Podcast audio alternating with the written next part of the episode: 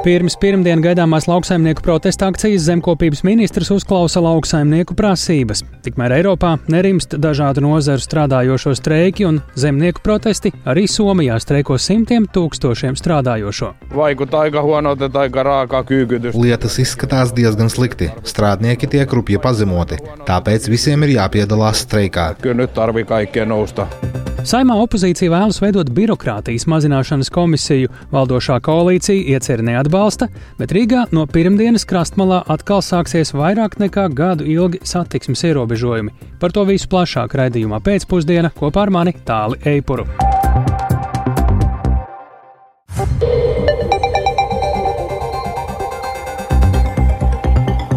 Pūkstens rāda 16,5 minūtes. Jūs klausāties pēcpusdienas ziņu programmu, skaidrojot šodienas svarīgus notikumus. Studijā Tāles Eipurs. Labdien! Jau vairākas stundas rita zemkopības ministra sarunas ar Latvijas lauksaimnieku organizācijām par viņu prasībām, lai pievērstu uzmanību problēmām lauksaimniecības nozarē, kas iestrēgušas politiskajos un ierēģņu gaiteņos. Zemnieki nākam pirmdien sāks protestus Latvijas reģionos par to, kā šobrīd ir diskusija un kāda ir iespēja panākt protestu atcelšanu. Kolēģi Agnija Lazdiņa seko līdzi sarunām. Agnija, saki, kāda atmosfēra šobrīd valda sarunās, cik daudz jau ir izrunāts? Lūdzu. Labdien! Jā, nu, ņemot vērā, ka lauksaimnieku organizācijas uz tikšanos devās sagaidot konkrētu rīcību, tad sarunas dažbrīd ir visai spraigas.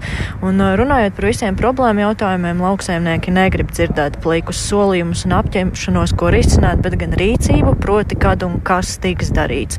Un pēc šī brīža ilgajām sarunām gan rodas pārliecība, ka pirmdiena protesti būs, un to arī pa laikam diskusijās pauž paši lauksaimnieki, norādot, ka kamēr ministrija meklēs risinājumu, jautājumus. Lauksaimnieki pirmdien darīs savus darbus, jeb dosies protestēt.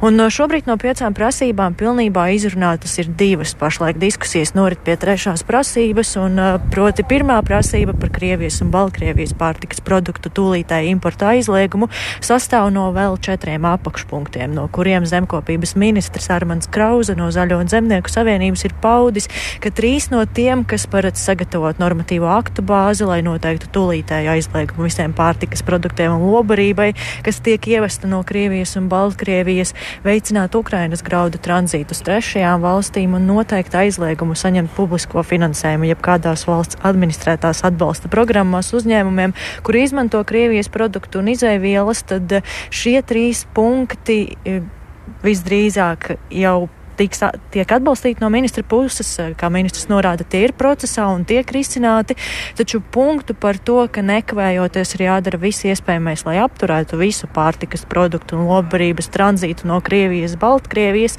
ministrs gan nesola, jo tas esot sarežģīts jautājums, kas nav līdz galam zemkopības ministrijas kompetencē. Otrajā prasībā, kas ir par 5% PVN atjaunošanu Latvijai raksturīgajiem augļiem, ogām, dārzņiem, tostarp veicinot nozaru konkurētspēju spēju. Ministrs atzina, ka samazinātajai likmei jābūt pārtikai un ēdināšanai. Un, uh, Un, ja viņam būtu iespējas lemt vienam pašam, tad to darīt uzreiz, bet tas ir arī valdības jautājums. Bet uh, kopumā otrā prasība no zemkopības ministrijas puses tiek atbalstīta, un ministrs sola, ka darbība šī jautājuma risināšanā ir uzsākta un arī turpināsies. Savukārt trešajā prasībā, kas, par ko diskusija šobrīd norit, tad, kas ir par birokrātijas samazināšanu lauksaimniecības nozarē, tad vispirms ministrs sola novērst ilgadīgo zālāju atjaunošanas prasību, bet runājot par tiešsaistes atskaišu sistēmu obligātās izmantošanas atcelšanu līdz brīdim, kamēr tās ir strādājošas un pārbaudītas un arī izturējušas dažādus drošības, drošību testus un lietotājiem draudzīgas, kas, kā norāda lauksaimnieki, šobrīd pavisam visam tādas nesot, tad uh, ministrs sola, ka arī tas tiks šot risināts un līdz rudenim tam visam būtu jābūt kārtībā. Uh, tas pagaidām ir viss. Jānorāda, ka diskusijas vēl turpinās un noteikti drīz vēl arī nebeigsies, jo lauksaimnieki ir prasīgi un tik viegli nepadodas, prasot konkrētus darbus un arī datumus, kad, kas un kā tiks izpildīts un kā to varēs redzēt paši lauksaimnieki. Tāli. Paldies, sākām Agnijai Lāsdiņai, tik tālu par zemkopības ministru un lauksaimnieku organizācijas sarunām no mūsu kolēģis, bet viens no sarunu dalībniekiem ir arī lauksaimniecības organizācijas sadarbības padomas valdes priekšsārātājs Guntis Gūtmanis. Labdien! Labdien! Paldies, ka iznācāt uz brītiņu priekš Latvijas radio klausītājiem no šīs sanāksmes, cik es saprotu. Kā jūs teiktu, kādas ir tieši jūsu pārstāvētās organizācijas? Kā, kāda ir nostāja attiecībā uz zemnieku prasībām? Pilnīgi to, ko visu tagad kolēģi stāstīja, pievienojieties, vai ir tomēr atšķirības tajā, ko vieni vai citi zemnieki prasa? Ja, nu mūsu tā, tā organizācijas nostāja, ko mēs esam izrunājuši mūsu biedru starpā, ir tāda, ka mēs vairāk gribētu koncentrēties uz tādu uh, konstruktīvu diskusiju un uz rezultātu un panākt konkrētas lietas un konkrētas rezultātus. Tāpēc mēs savus biedrus neaicinām piedalīties šajās protesta akcijās, bet viņi arī daļa piedalīsies un būs un ņems dalību šajās akcijās. Tas, Ko es gribu uzsvērt, kas manuprāt ir varbūt pietrūcis ministrijā un kas ir ļoti labi šobrīd, ir šādas tikšanās. Manuprāt, būtu jābūt viņām nu, nezinu, reizi mēnesī, reizi divos mēnešos, un tas uh, daudz vieglāk atvieglotu mums dzīvi. Un jāsaka, tā diskusija, kas šodien ir, kā jau jūs kolēģi minēja, konstruktīva pa vairākiem punktiem cauri visiem izdiskutējot, ko mēs varam izdarīt, ko nevaram. Tas ir tas, kādam ir jābūt rezultātam un kā ir jāstrādā mums visiem kopā. Ir lietas, kurās mums, lauksaimniekiem, vienkārši ir lielāka pieredze ikdienas darbā strādājot.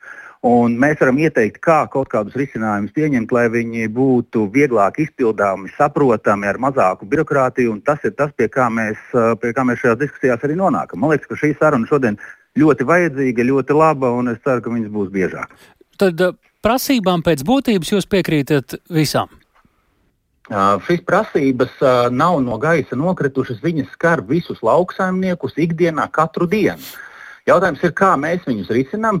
Tas, ko mēs dzirdējām no ministra, ka viņš ir apņēmības pilns izdarīt visas tās lietas, kas ir viņa kompetencē, un mums droši vien būs jāiet palīdzīgā ministram tās, tos jautājumus risināt, kas ir citu ministriju un valdības kopumā kompetencē. Šobrīd, kā jūs teiktu, kurš ir sarežģītākie brīži šajās sarunās, un kurus jautājumus būs, ar kuriem jautājumiem būs visgrūtāk, lai panāktu kaut kādu vienotu izpratni?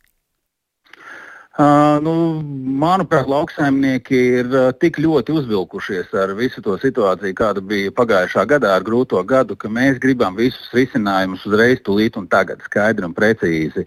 Uh, un jautājums, vai valsts pārvalde spēs to nodrošināt. Bet tas ir tas, ko mēs sagaidām, un tas ir, es teiktu, galvenais nu, diskusiju jautājums, cik ātri varam nonākt pie kaut kādiem lēmumiem. Bet mēs, lauksaimnieki, esam nu, ļoti ilgi gaidījuši, un brīžiem šķiet, ka tie darbi kaut kur pazūd uh, gaiteņos. Uh, bet uh, tas, ko mēs redzam, mēs esam dažādās darba grupās iekšā strādājam. Tos lēmumus gribētos vienkārši skaidrus, precīzus, ātrāk ar noteiktiem termiņiem. Tas ir tas, ko mēs šodien runājam. Tad, klausoties jūsu sacītajā, ja tas būtu no jums atkarīgs, eh, pirmdien protesti nebūtu, bet uh, skatoties kolēģu um, retorikā, jūs redzat, ka uh, neizdosies vienoties tik tālu ar ministru par, par šiem punktiem, lai protesti nenotiktu, un tie pirmdienas ticamāk tad ir, ja?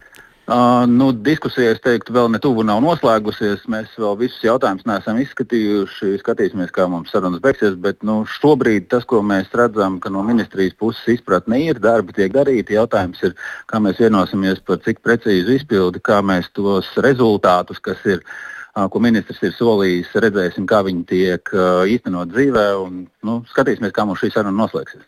Paldies, sakām Guntim Gutmanim, lauksaimniecības organizācijas sadarbības padomes valdes priekšsēdētājiem. Tātad joprojām, nu jau vairākas stundas redzējām kopības ministra sarunas ar Latvijas lauksaimnieku organizācijām par viņu prasībām, gan attiecībā uz pārtiks importu no agresoru valstīm, gan nodokli, pievienotās vērtības nodokli dārziņiem un augļiem, gan arī birokrātijas mazināšanu.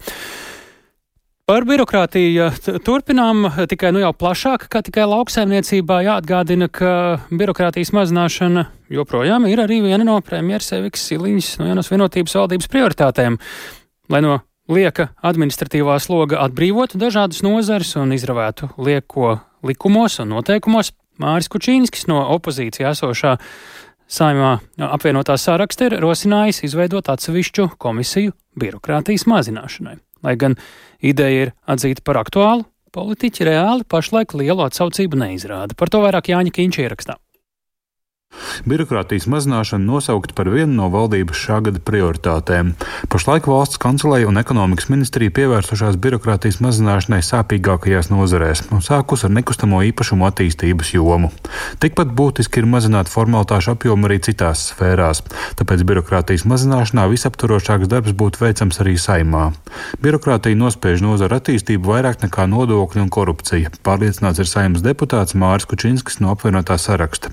Pamatojot izmantot savu ideju par birokrātijas mazināšanas pasākumu komisijas veidošanu saimā. Nu, netic tam, ka pašiem birokrātiem liek izravēt birokrātiju. Tādi gadījumi nav efektīvi un nekad nav nesuši rezultātu. Ja komisija šādu uzstādījumu dotu un būtu iespēja piesaistīt eksperts, tad uh, vai nu katrā likumā ravēt ārā visu to, kas ir liekas un apaudzis šajos 30 gados un traucē Vienlaicīgi tie varētu būt arī uzdevumi kabinetam, ministra kabineta noteikums izmainīt.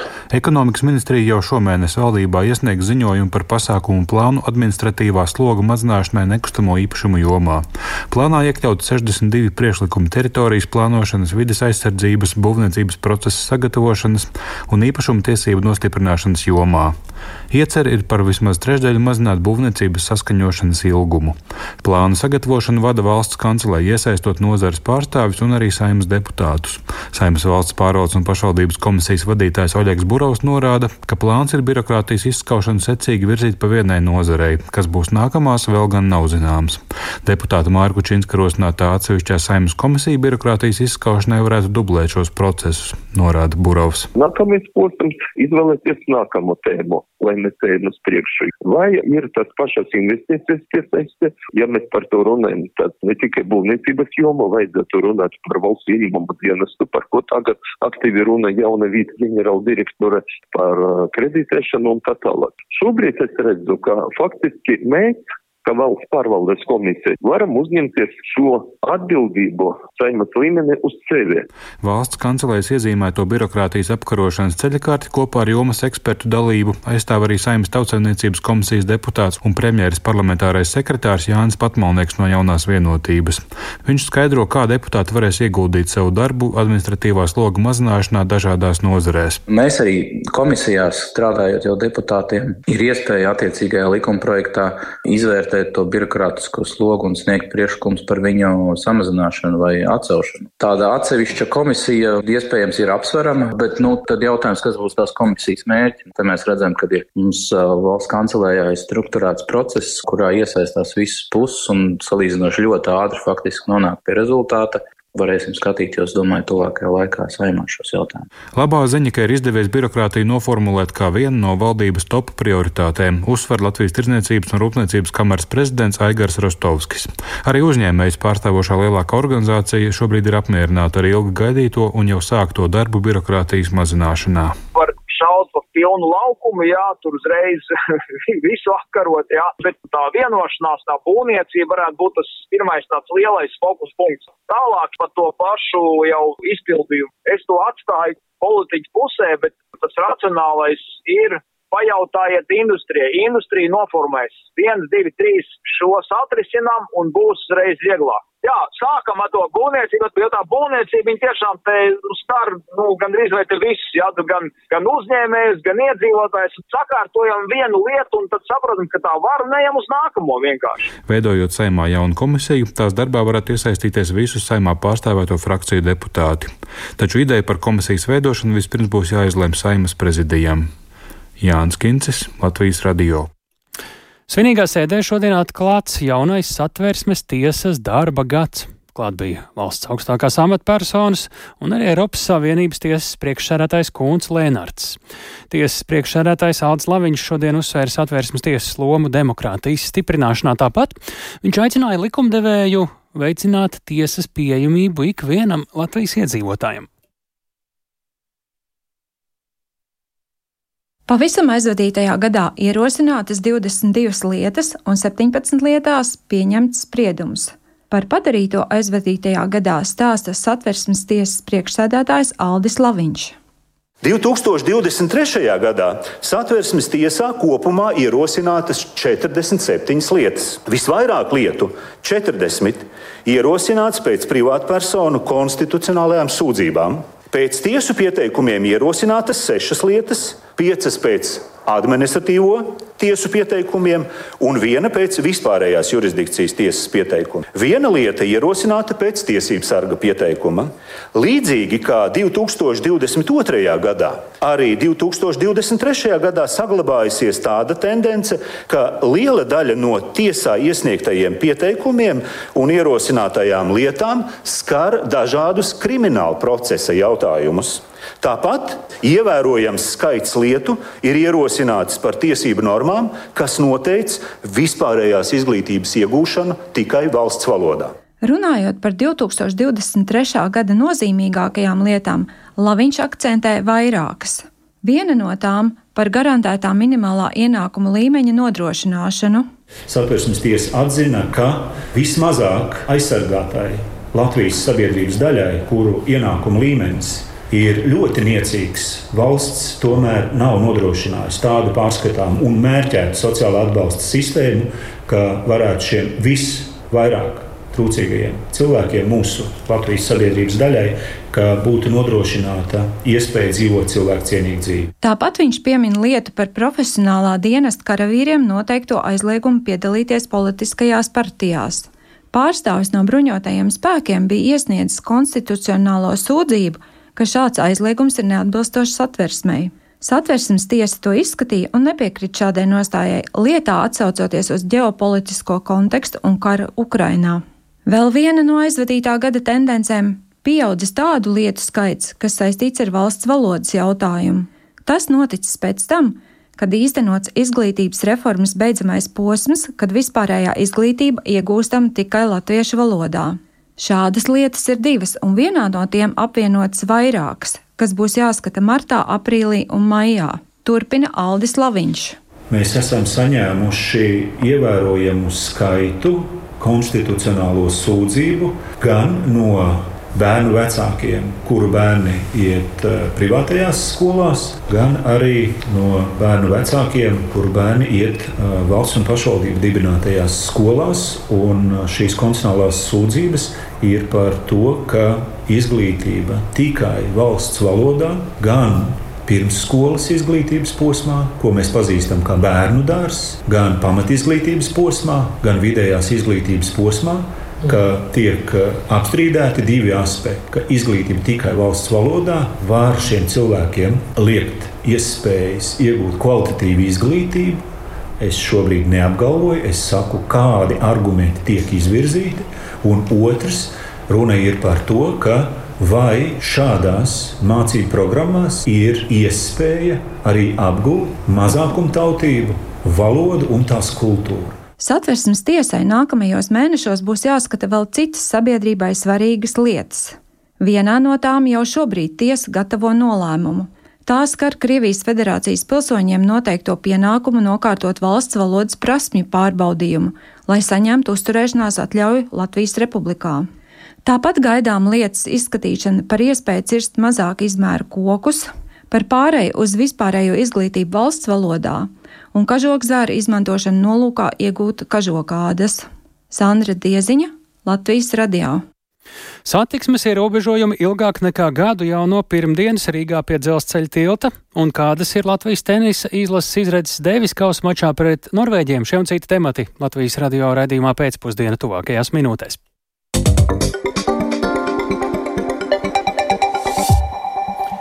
Eiropā nerimst dažādu nozaru strādājošie streiki un zemnieku protesti. Vācijā šodien streiko sabiedriskā transporta vadītāji. Viņi pieprasa labākus darba apstākļus, bet Somijā simtiem tūkstošiem strādājošo streiko protestējot pret valdības piedāvātajām izmaiņām darba likumos.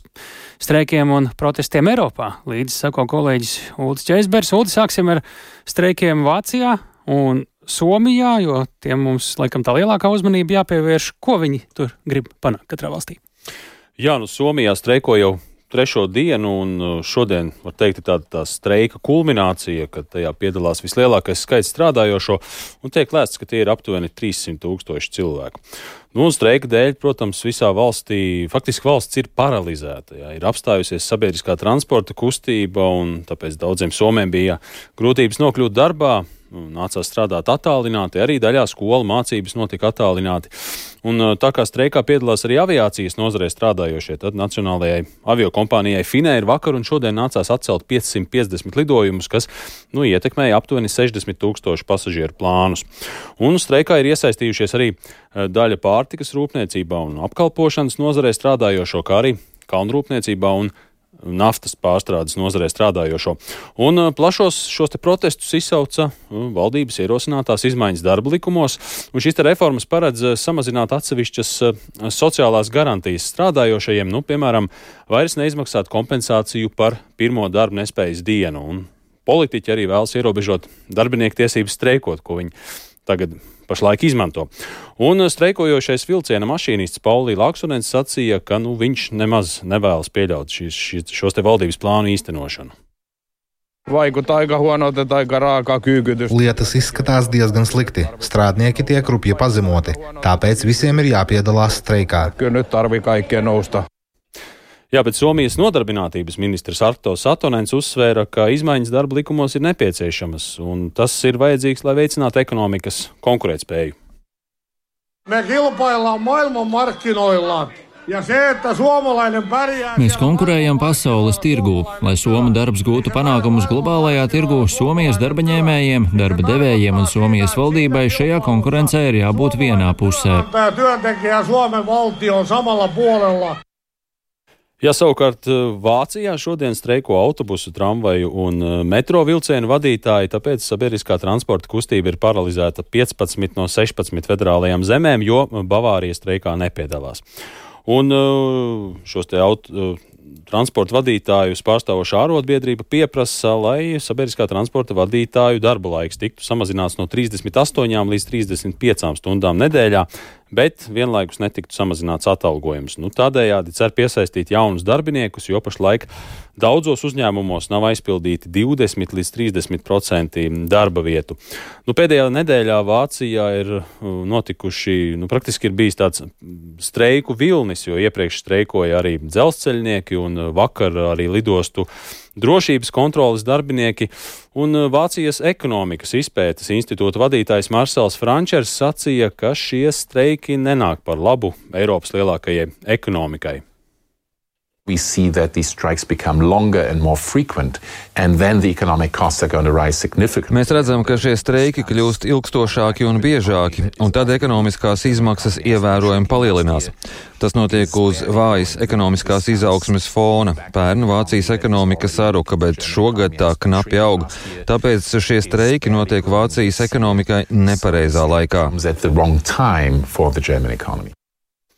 Jā, un uh, ir gaidāmi arī citi streiki, un, piemēram, drīzumā varētu streikot arī Vācijas Nacionālā avio kompānija uh, Lufthansa tās darbinieki. Nu, un, uh, kas tad notiek ar uh, lauksaimnieku protestiem Eiropā? Mēs pirms brīdī stāstījām par pirmdien gaidāmajiem šeit pat Latvijā lauksaimnieku protestiem, kā ir šobrīd Eiropā, jo tur jau tie kādu laiku rit un izskatās kritēs. Jā, nu, šonadēļ notika protesti vairākās Eiropas valstīs, bet, nu, kā zinām, plašākie bija Francijā, kur zemnieki ar saviem traktoriem pat mēģināja bloķēt nozīmīgākos autoceļus, kas ved uz galvaspilsētu Parīzi.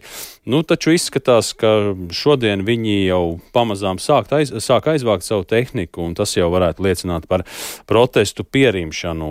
Un iemesls tam ir nu, pavisam vienkārši. Francijas premjerministrs Gabriels Atāls vakar lielākajām lauksaimnieku arotbiedrībām apsolīja, ka valdība palielinās subsīdijas zemniekiem samazinās administratīvo slogu un arī nodrošinās labāku aizsardzību pret negodīgu konkurenci. Nu, acīm redzot, tas eh, zemniekus ir apmierinājis un viņi mm. pamazām tos protestus samazina. Bet nu, nevar jau zināt, varbūt, varbūt vēl turpināsies.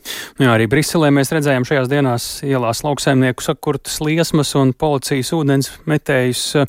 Paldies, sakām Uldim Ķeizberim un paliekam pie Briseles. Nākošnedēļ Urzulas Fonderlejenes vadīta Eiropas komisija gatavojas apstiprināt jaunu ambiciozu plānu siltumnīca efekta gāzu emisijas mazināšanai. Taču tas ir izraisījis neapmierinātību pašas Eiropas komisijas priekšsērētājs pārstāvētās Eiropas Tautas partijas iekšienē, tā ziņo izdevums Politico. Un tas savukārt apdraud pašas lējienas plānu kandidēt uz otro termiņu Eiropas komisijas vadītājas amatā. Turpina Rustams Šukurovs.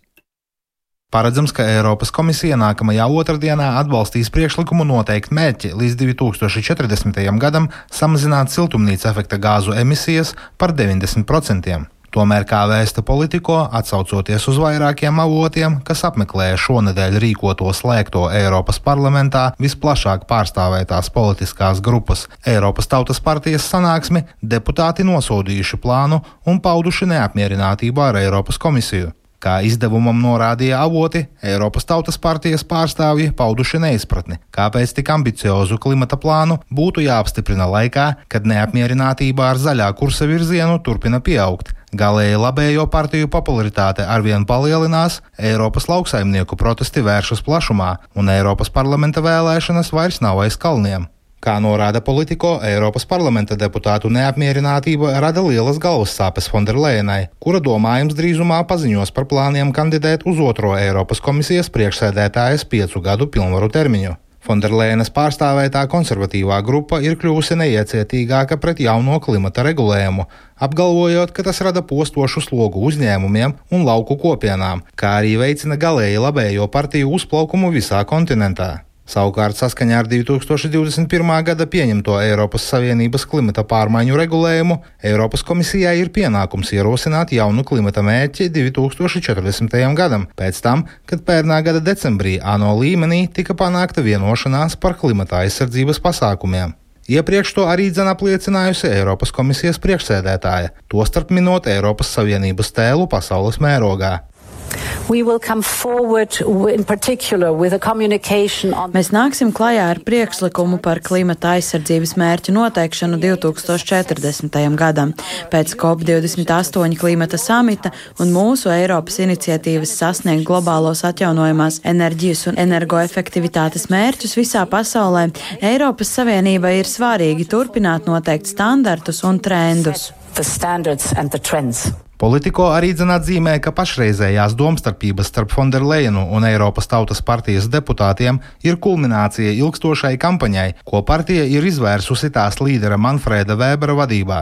Kopš Vēbers aicinājis noteikt moratoriju jauniem klimata likumiem 2022. gadā, viņu atbalstošie grupas deputāti ir mudinājuši Eiropas komisiju iestrādāt zaļās pārkārtošanas likumdošanā realistiskākus un uzņēmēji darbībai draudzīgākus mērķus. Politiko norāda, ka Eiropas komisija ņēmusi vērā uz to izdarīto spiedienu. Eiropas Savienības izpildvaras institūcija nākošnedēļ nenāks klajā ar likumdošanas iniciatīvu, bet gan daudz mazāk saistošu komunikē, kurā tā piedāvās trīs iespējas Eiropas Savienības emisiju samazināšanas mērķu sasniegšanai.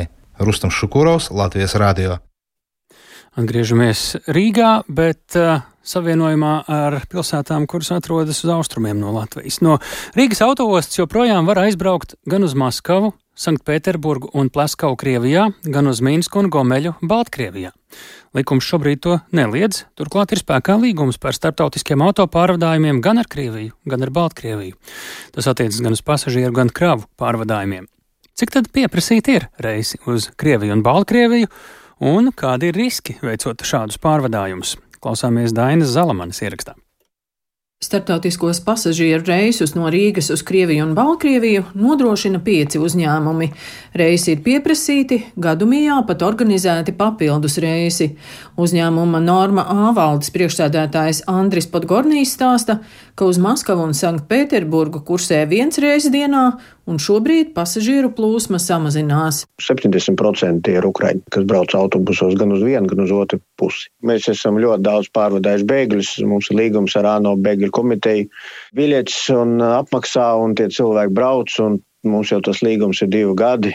Aizliegts kaut kādiem konkrētiem pasažieriem braukt, kur arī nebraukt, bet tiem cilvēkiem, kuri var braukt, kuriem ir atļaus, jā, ka Latvijas pilsoņi, gan trešo valstu pilsoņi, korespondenti, bēgļi, mammas ar bērniem, nu ļoti daudz viss, kas brauc.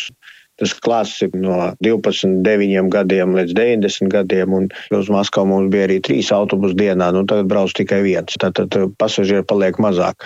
Nu, ja pasažieru plūsma kritīsies tik daudz, ka nevajadzēs cilvēkiem braukt, nu, tad mēs noteikti arī nebrauksim. Par to pašu reputāciju man ir grūti pateikt, kāpēc tas jautājums tādā ziņā ir pacēlies. Tāpēc, ka mēs jau nesadarbojamies. Mēs jau aizvedam pasažierus, kam ir atļauts to darīt. Robežsargs zina, cikos mēs atbrauksim, kas tur atbrauks, jā, un tā tad kontrola notiek Pārvadātājus uzrauga autotransporta direkcija, kas seko līdzi dokumentācijai un izvērtē, vai sadarbības partneri otrā valstī nav iekļauti sankciju sarakstos. Autotransporta direkcijas pārstāve Indra Gromule stāsta, ka pārvadātājiem jāpārbauda pasažieru dokumenti uz robežas, tos vēlreiz pārbauda valsts robežsardzes darbinieki. Izvērtējot iesniegumus, mēs arī konsultējamies ar uh, drošības dienestiem, jā, izvērtējot šos riskus, tas atzinums ir tāds, ka regulārais pārvadājums ir daudz labāk kontrolējams un pārbaudāms kā neregulārais pārvadājums. Izvērtējot šos maršrutus, ir izveidota konsultatīvā padome, kurā ietilpst gan robežsardzes pārstāvi, gan muitas pārstāvi, gan satiksmes ministrijas pārstāvi, gan arī dzen pārvadātāja asociācija pārstāvi.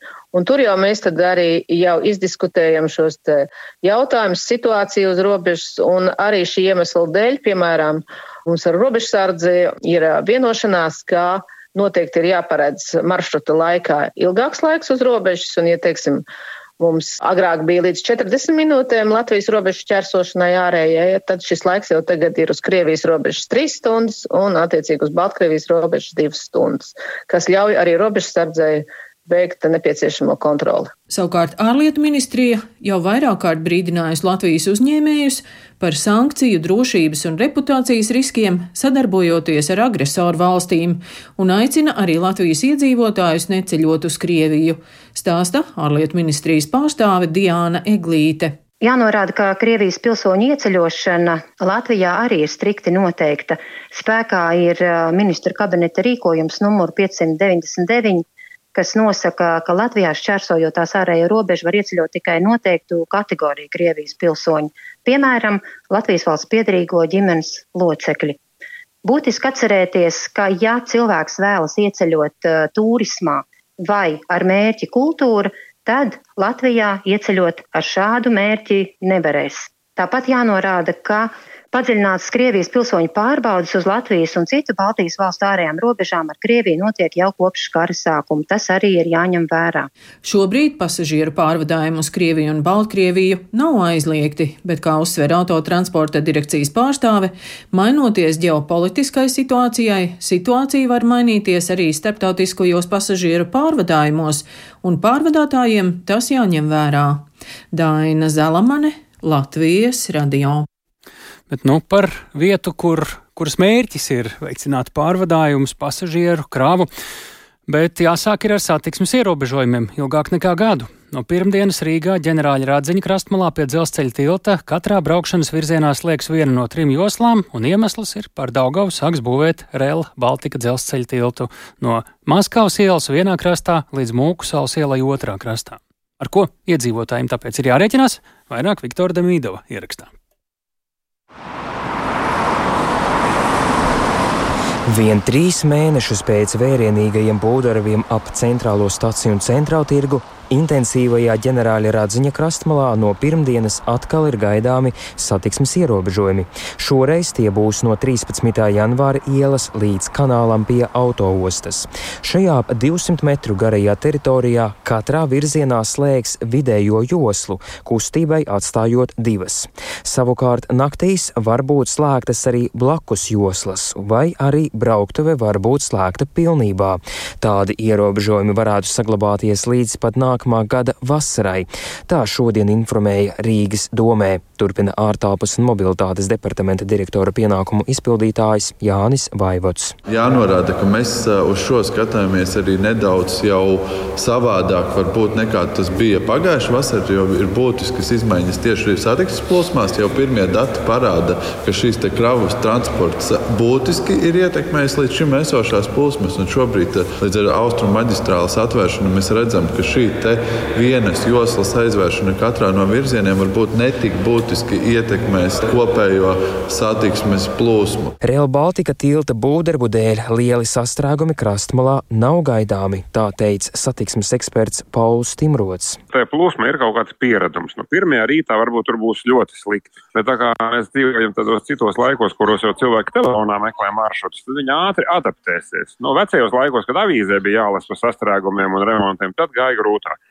Bet šobrīd es domāju, ka vajag pārlaist pirmās dažas dienas, kad tur būs grūstīšanās, čupas un, un, un nesaprašanās. Un cilvēki ļoti ātri pielāgosies citai sistēmai. Lai uzbūvētu visu tiltu, naudas nav. Pat labam pietiek, lai uzceltu divu ar pus slaidumus, kas nav pat puse no visas konstrukcijas. To Latvijas radio noskaidroja būvniecības uzņēmumā Bereriks, kur cer, ka nauda no Eiropas Savienības būs pieejama jau šoruden. Uzņēmuma pārstāvis Andis Linde prognozē, ka tilts pār Daugavu pilnībā varētu būt pabeigts 2027. gadā vai gadu vēlāk. Tas ir dzelzbetona pēcspriegotais tilts ar salīdzinoši lielu laidumu, 87 metri, un salīdzinoši slaidu šo laidumu plānākajā vietā apmēram 2 metri tikai.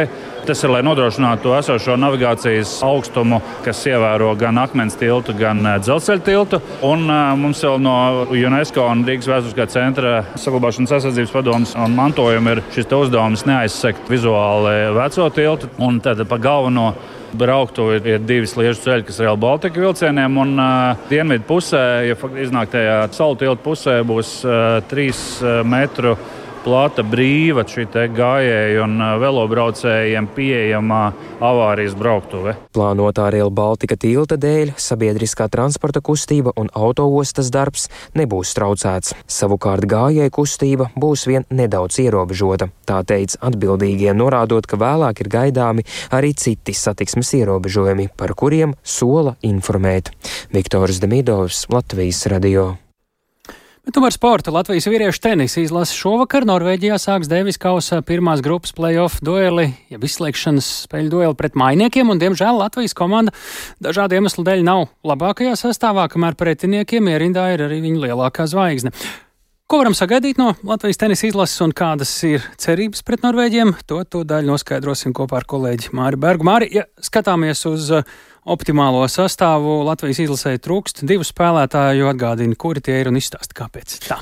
Jā, tātad Latvijas izlasē nevar palīdzēt nomināli Latvijas otrā raketa vienspēlēs Kārlis Oliņš. Kā zināms, viņš studē ASV, tur arī spēlē tenisu, un uh, ASV koledžu čempionātā sezona ir ļoti intensīva, tāpēc Ozoliņš šoreiz nevarēja pievienoties izlasē.